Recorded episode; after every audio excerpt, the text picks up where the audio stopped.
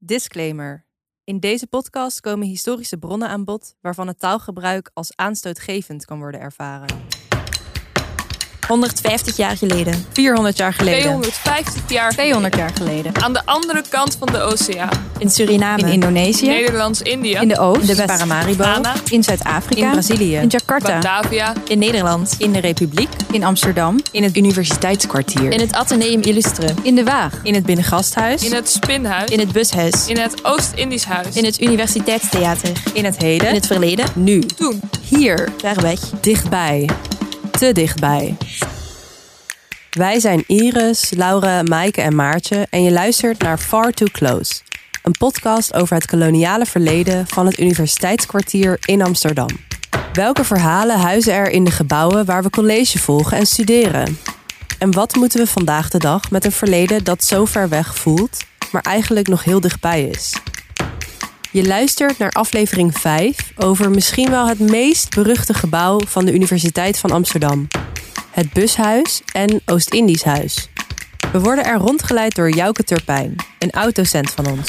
Ja, eh, we staan hier in een zaal met een hoog plafond met eh, rode balken. We ontdekken hoe deze zaal, de VOC-zaal, verbonden is met het leven van een tot slaaf gemaakt persoon in Batavia. We spreken met historicus en schrijver Reggie Bai over de vergeten slavernij in de Oost. En waarom we ernstig ons best moeten doen om die geschiedenis weer op te halen. dat mensen denken, maar die slavernij daar, dat was niet zo erg. Dat was, niet, dat was geen echte slavernij. Alsof er echte en onechte slavernij bestaat. We zitten hier aan de Kloveniersburgwal. Yes. Aan de overkant van het Bushuis. Echt het, het grootste gebouw op de Kloveniersbrugwal, denk ik. Ik denk dat het wel, eh, ik weet niet, 70 meter breed is. Ja. Ik ben echt heel slecht in afstanden. Ik ook. Daarom heb ik ook geschiedenis gestudeerd en geen wiskunde. Maar het is wel een heel mooi gebouw. Ja. Heel statig. Ja, en nu zitten er dus allemaal eh, collegezalen en ook heel veel kantoren, denk ik, van de faculteit Geesteswetenschappen. Het is ook echt een plek waar elke toeristentour halt houdt om even iets te vertellen. Want er is er natuurlijk heel veel gebeurd in de geschiedenis. Ehm, maar misschien moeten we gewoon even het water oversteken en eh, binnen kijken. Is goed, laten we dat doen. Top. Oh, even oppassen van de fietsers. We stappen nu door de schuifdeuren van het bushuis. Het is heel rustig, want het is eh, vakantie natuurlijk nog. We kunnen die student vragen. We zijn benieuwd wat je weet van de geschiedenis van dit gebouw. Ah, eh, ik weet dat het eh, het bestuurshuis van het VOC was. Ja, de oprichting Ehm. van de VOC hè, is hier begonnen. En dus ik denk dat het vroeg 17e eeuw is. En verder weet ik niet wat het daarna allemaal is geweest. Eh, het is eh, opslagruimte van de VOC. Nou, ik denk er wel vaak over na, zeker als ik hier binnenloop. Omdat het een heel imposant gebouw is. Ehm, vind ik het ook wel mooi om hier te werken. Wij krijgen vaak gasten eh, en dan ga ik heel vaak even naar de portier, vraag ik even de sleutel om de kamer van de heer 17 te laten zien. Ja, ik moet me bijna voor schamen, want ik weet wel eh, dat ik er wel iets over zou moeten weten. Maar vertel alsjeblieft. Er is heel veel gebeurd in het bushuis. Veel te veel om te vertellen in één aflevering. We hebben het vandaag over de Kamer van de Heren 17. Deze vergaderzaal, ook wel de VOC-zaal of bewindhebberszaal genoemd, is het hart van het bushuis en Oost-Indisch Huis. Hier namen de 17 leiders van de VOC beslissingen over wat er aan de andere kant van de wereld gebeurde. Hey, Jouke met Iris. Hoi, ehm, wij staan nu bij de VOC-zaal. ja, dat is goed. De bewindhebberszaal kom je niet zomaar in. We hebben een afspraak met Jouke Turpijn. Hij is docent Nederlandse geschiedenis aan de UvA en neemt ons mee naar binnen. Jouke mag de deur open Ik mag de deur openen zelfs. Maar. En dan voel ik toch een historische sensatie. Ja, eh, we staan hier in een zaal met een hoog plafond met eh, rode balken. En in eh, de, de, de, de hoofdkant van de zaal staat een soort van balustrade met twee deurtjes ervoor. En daarachter staat een museale opstelling. Namelijk een grote eh, vergadertafel met eh, daaromheen 17 stoelen.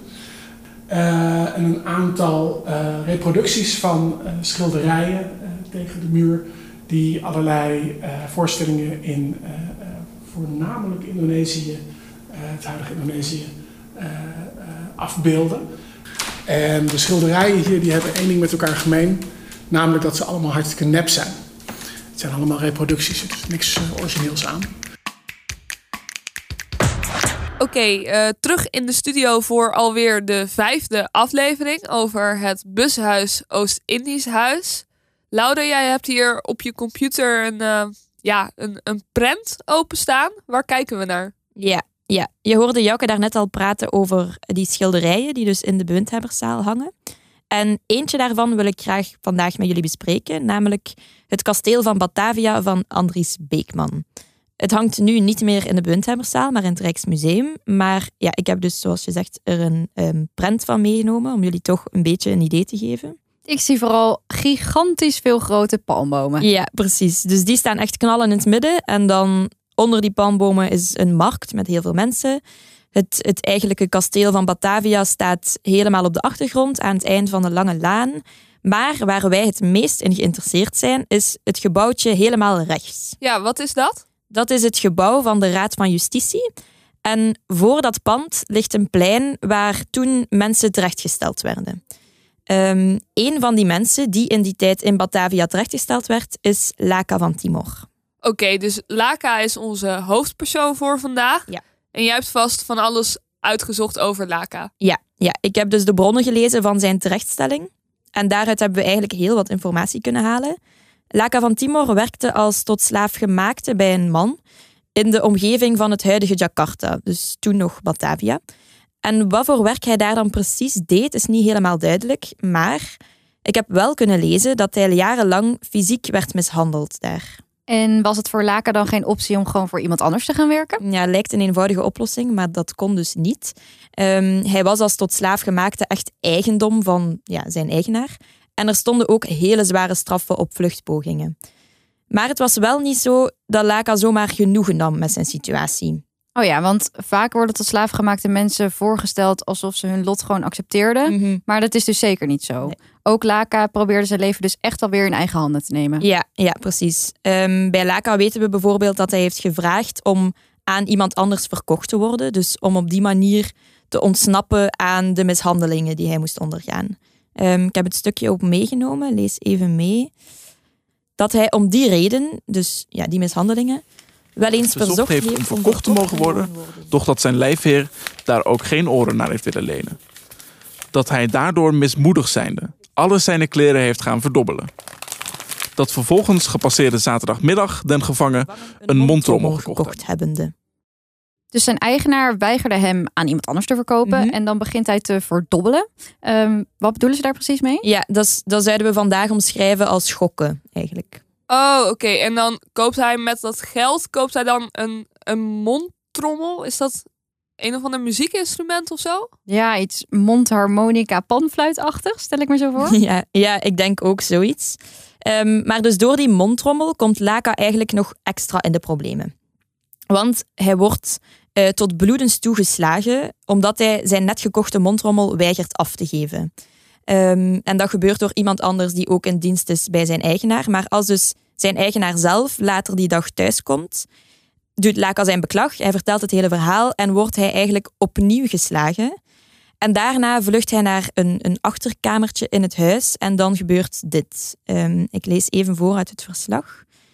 Dat hij toen in verzoeking is, geraakt. en, en daarop een besluit heeft genomen om zichzelf dood te steken. Dat hij vervolgens zijn knipmes uit zijn broekzak heeft uitgehaald en daarmee zichzelf gewond. Zonder echter enige intentie, intentie gehad te hebben, te hebben om daarmee iemand anders kwaad te doen. Hij pleegt dus zelfmoord met een schaar. Ja, ja die knipscharen waar ze het over hebben is inderdaad een, een schaar. Maar wat ik nu nog niet zo goed begrijp is wat Laka van Timor precies met het bushuis te maken heeft. Oké, okay, de plek waar hij terechtgesteld werd staat dus op een schilderij dat ooit in het bushuis heeft gehangen. Maar is dat de enige link? Ja, um, ja ik snap het. We zijn inderdaad even afgedwaald naar Laka's persoonlijke situatie.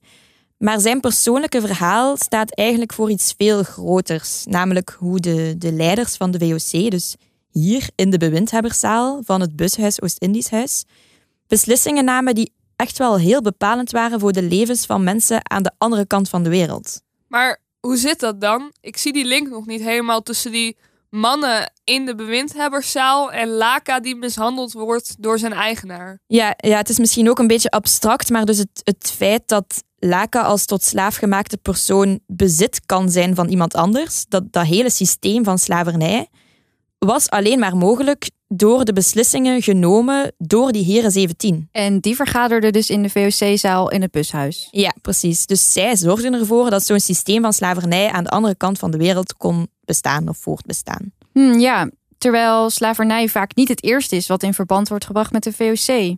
Waarschijnlijk denken de meeste mensen aan schepen en specerijen, maar we vergeten een beetje dat er heel veel mensen bij betrokken waren. Mogen we misschien iets vragen? afhankelijk wat het is. Eh, de vraag is, wat weten jullie over de VOC? Ja, VOC was gewoon met specerijen volgens mij van, ja, ik weet niet waar. Nee. Ja, toch wel een van de eerste multinationals eigenlijk. Ja, dat het vroeger was en dat het om handel gaat en zo. VOC was meer met specerijen en zo. Ja, en ook al aan de, wat bij, bijgedragen heeft aan Hollands glorie, zeg maar. Ons beeld van de geschiedenis klopt niet altijd. Vaak worden zaken foutief of onvolledig herinnerd. Dat geldt ook, en misschien wel vooral, voor de koloniale geschiedenis. Hoe komt het dat sommige gebeurtenissen zo aanwezig zijn in het collectieve geheugen en andere in de vergetelheid raken? We gaan op bezoek bij Reggie Bai en spreken hem over de vergeten slavernij in de Oost. Als historicus is Reggie gespecialiseerd in koloniale en postkoloniale geschiedenis.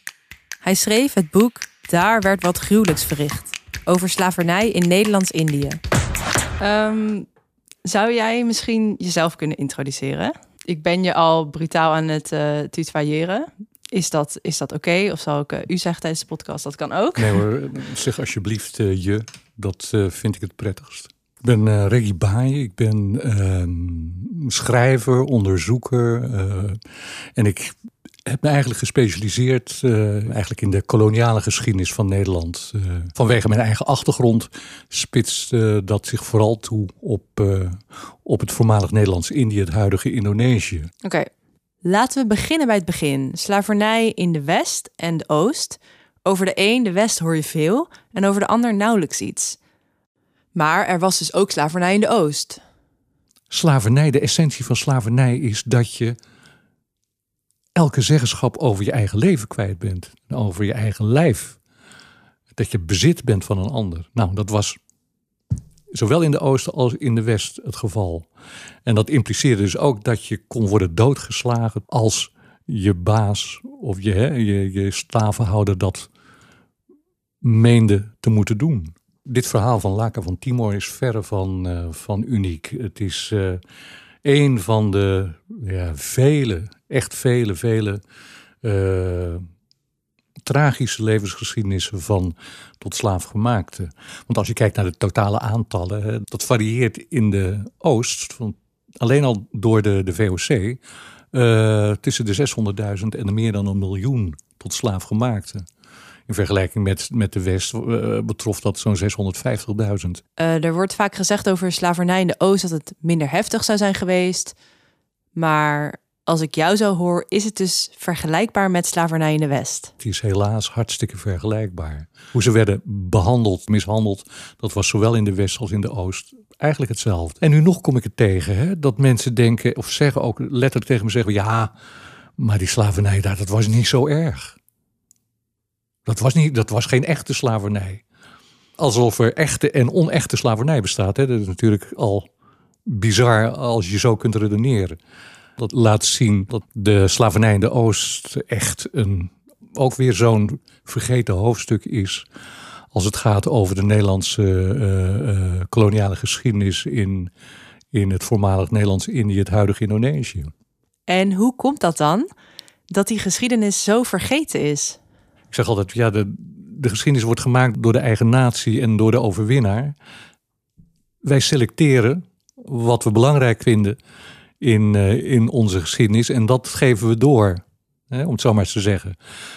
En in dat opzicht gebruik ik heel vaak de vergelijking met uh, die absurde contactadvertenties als je het over jezelf moet hebben, en zeker in zo'n contactadvertentie, nou, dan noem je uh, al je mooie eigenschappen. Ja, uh, man, uh, bemiddeld, intelligent, noem alles maar op. En alle negatieve eigenschappen laten ze in zo'n contactadvertentie weg. Nou, even overdreven, met de geschiedenis gebeurt natuurlijk hetzelfde. Uh, wat vinden we Nou, die, positieve dingen. De VOC, uh, geweldig, een geweldige onderneming. En Jan Pieterszoon Koen was zo enorm doortastend en een hele goede gouverneur-generaal, et cetera. Maar dat diezelfde gouverneur-generaal genocide pleegde, dat laten we weg uit onze geschiedenis. En ehm, dat kan, dat kan je straffeloos doen als er niemand is die tegen bezwaar maakt. En er is geen pressure group die zegt van ja jongens, potverdikkie, dit heeft plaatsgevonden. We moeten. Vanuit de Oost is er niemand die zich hard maakt over die geschiedenis van slavernij. Dus dat heeft altijd een, nou ja, stil verborgen leven moeten leiden. Totdat er één gek is die daar een boek over schrijft en vindt van nou kijk, dit is allemaal bewijsbaar. Dan pas gaat het rollen. Reggie legt de vinger al snel op de zere plek. Een deel van deze geschiedenis is een tijd lang verzwegen en daardoor vergeten. De glorieuze verhalen over de gouden rijkdom en efficiëntie van de VOC zijn wel bekend. Maar ook deze compagnie draaide dus grotendeels op slavernij. Goed, we zitten weer in de studio en ik wil toch nog eventjes terug naar het begin. Dat schilderij met die palmbomen en dat plein. Want daar begon het verhaal van Laka, toch? Ja, inderdaad. Um, ja, Laka was dus een van die mensen die veroordeeld werd in Batavia. Ja, dat is me nou nog steeds niet duidelijk. Wat heeft Laka nou eigenlijk misdaan? Ja, daar kwamen we toe. um, hij werd dus veroordeeld voor die poging om zichzelf van het leven te beroven. Poging? Dus niet gelukt? Nee, nee. Hij stak dus zichzelf met die schaar in zijn keel. Blijkt ook uit het verslag van de chirurgijn. Die schrijft: Een gestoken stootwond penetreert tot in de luchtpijp, vrij expliciet. Uh, maar hij overleeft het dus en daarna wordt hij veroordeeld. Want, en nu komt het, hij heeft door zelfmoord te willen plegen eigenlijk een poging gedaan om zijn eigenaar te beroven. Want Laka wordt louter beschouwd als het bezit van die man. En wat is zijn straf dan? Ja, er staat dus in principe een gruwelijke doodstraf op zo'n een, een poging tot moord op het noodslaafgemaakte van iemand. Maar ze zien Laka zijn situatie wel als een verzachtende omstandigheid. Ja, een beetje rare verzachtende omstandigheid. Maar hij krijgt dus een mildere straf, um, die eigenlijk ook niet zo mild is. Ik citeer, um, hij wordt dus aan een paal gebonden, met de roeden op de blote ruggen strengelijk gegezeld, gebrandmerkt en in de ketting geklonken. En die zweepslagen en dat brandmerken zouden zomaar gebeurd kunnen zijn op dat pleintje dat we zagen op het schilderij uit de bewindhebberszaal in het bushuis. Ja, precies. En dus ja, tegen die achtergrond namen de heren 17 van de VOC hun beslissingen. Dit is dus echt zo'n moment waarop ik voel dat mijn onderwijs over dit onderwerp tekort heeft geschoten. Ja, en het is misschien nog wel ietsje beter, maar toen wij in de onderbouw van de middelbare school zaten, denk zo ergens rond begin 2010, en dit dus hadden moeten horen, was er eigenlijk maar één alineaatje of zo over die slavernij in de Oost. Ja, en ik weet best wel zeker dat ik heel veel heb geleerd over de VOC. Want daar ging het eigenlijk over bij geschiedenis als we het hadden over Nederland en de wereld. Dus ik heb wel heel goed meegekregen dat we van die toffe schepen hadden en dat we daarmee naar de oost gingen om kruiden te halen. En dat dat dan de grondslag is van de Nederlandse handelsgeest. Inderdaad, maar dus nooit echt over de bevolking daar of over slavernij. Nee, precies. Dat was iets van de West. Daar deden we dan dingen met mensen.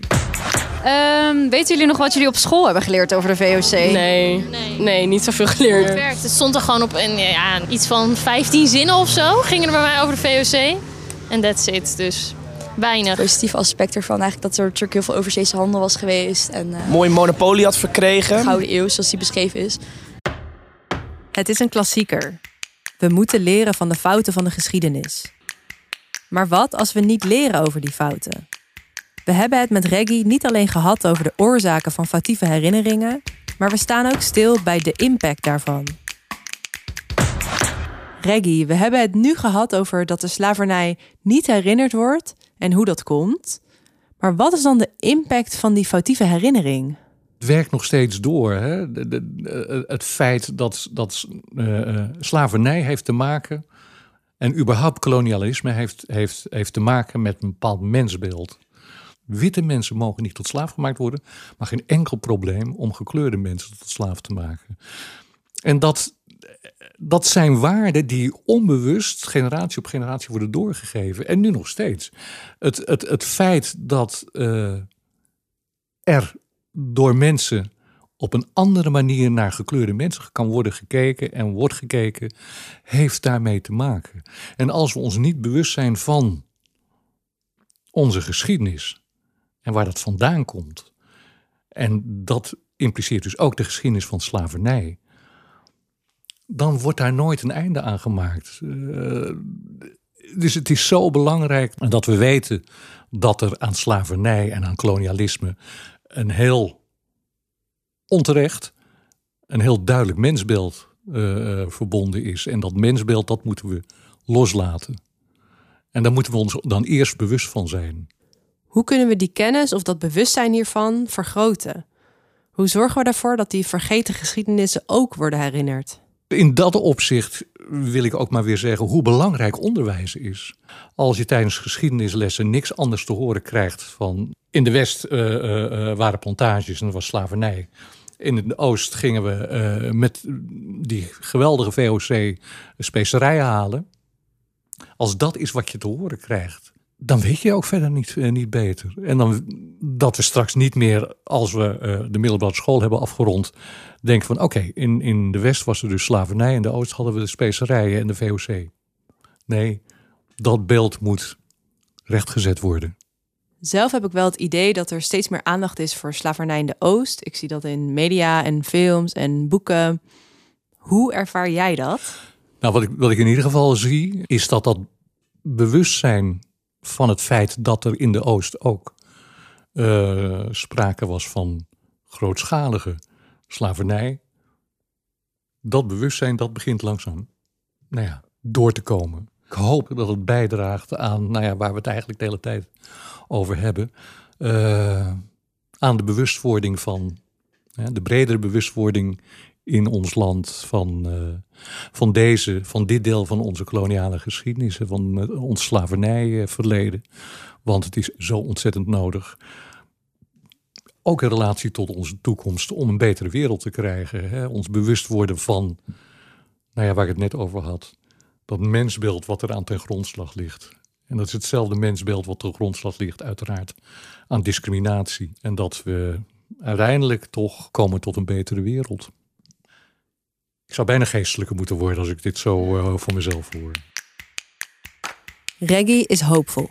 Er zijn dingen aan het veranderen. Langzaam komt er meer en meer aandacht voor het slavernijverleden van de Oost en andere vergeten geschiedenissen. Dat is ook het geval in het bushuis Oost-Indisch Huis. Bleek tijdens onze rondleiding met Jouke. Deze bordjes die zijn een jaar of drie geleden gemaakt. Uh, er hingen dus eerst andere borden en daar was de tekst heel neutraal eigenlijk van wat er gebeurde in deze, in deze zaal en hoe dan de heren 17, dus de, de bazen van de VOC, met elkaar aan het vergaderen waren. En er ontbrak volgens ons in ieder geval gewoon een, een heel ander geluid, namelijk ook het hele idee dat al die fantastische winst die de VOC heeft gehaald ook toch een beetje over de ruggen ging van een heleboel mensen in de wereld waar helemaal niks over gezegd werd. Dus wij vonden toen dat, dat die tekst uh, anders moest. Hebben uh, deze tekst uh, gewoon eigenlijk herschreven, veranderd en, en hier aangeboden. Alright, nog even een korte recap in de studio. Wat vonden jullie van de gesprekken met Reggie en Jouke? Ja, ik was wel een beetje opgelucht na het gesprek met Reggie. Hij onderstreepte best wel goed dat gevoel van mij, wat ik eerder ook probeerde uit te leggen. Ja, dan bedoel je dat um, het onderwijs en dan de behandeling van het kolonialisme in het algemeen en dat echt heel eenzijdig is en vaak gericht op de West. Ja, maar ook dat slavernij en koloniale overheersing vaak een beetje een bijzaak was als je leerde over Nederlandse geschiedenis. En ik denk dat voor mij die twee dingen, vaderlandse geschiedenis en koloniale geschiedenis, ook best wel lang twee aparte dingen zijn geweest. Ja, en ik denk dat de laatste jaren dat besef ook wel gegroeid is van hé, hey, maar het koloniale verleden is het Nederlandse verleden. En dat is voor alle Nederlanders relevant. Ja, Nederlanders, maar zelfs daarbuiten, even als Belg sprekende. Het is niet omdat België toen nog niet bestond dat er in het huidige België geen doorleving is van dit koloniale verleden. Want ja, het is echt wereldgeschiedenis over landsgrenzen heen, mogen we ook niet vergeten. Ik ben ook wel hoopvol hoor, na deze interviews. Iris zei het al en Jouke bevestigde het ook. er gaat wel steeds meer aandacht naar de Oost en slavernij in de Oost. Dat komt natuurlijk vooral door het harde werk van mensen zoals Reggie. Maar ik vind het wel fijn om te merken dat dat langzaam nu ook wat breder gedragen wordt. En jij? Verandert jouw beeld van de geschiedenis door verhalen als deze? Welke andere vergeten verhalen zullen in de toekomst nog opduiken? Dit was aflevering 5 van de podcast Far Too Close over het bushuis en Oost-Indisch huis. In de volgende en alweer laatste aflevering gaan we op zoek naar het verborgen verleden van het Universiteitstheater aan de Nieuwe Doelenstraat. We ontdekken dat niet het hele leven dat zich in dit gebouw heeft afgespeeld zo theatraal is geweest. Far Too Close wordt gemaakt door Iris van der Werf, Maartje van Bennekom, Maaike de Klein en Laure Lambert. In samenwerking met Foxpop, de creative space van de faculteit Geesteswetenschappen van de UvA en Microphone Media. We zijn veel dank verschuldigd aan Reggie Bij en Jouke Turpijn, die beide uitgebreid de tijd hebben genomen om met ons in gesprek te gaan. Ook dank aan Jorn Beuzekom, die onze historische bronnen met zijn stem tot leven wekte. Wil je meer weten over de verzwegen verhalen van gebouwen van de UvA?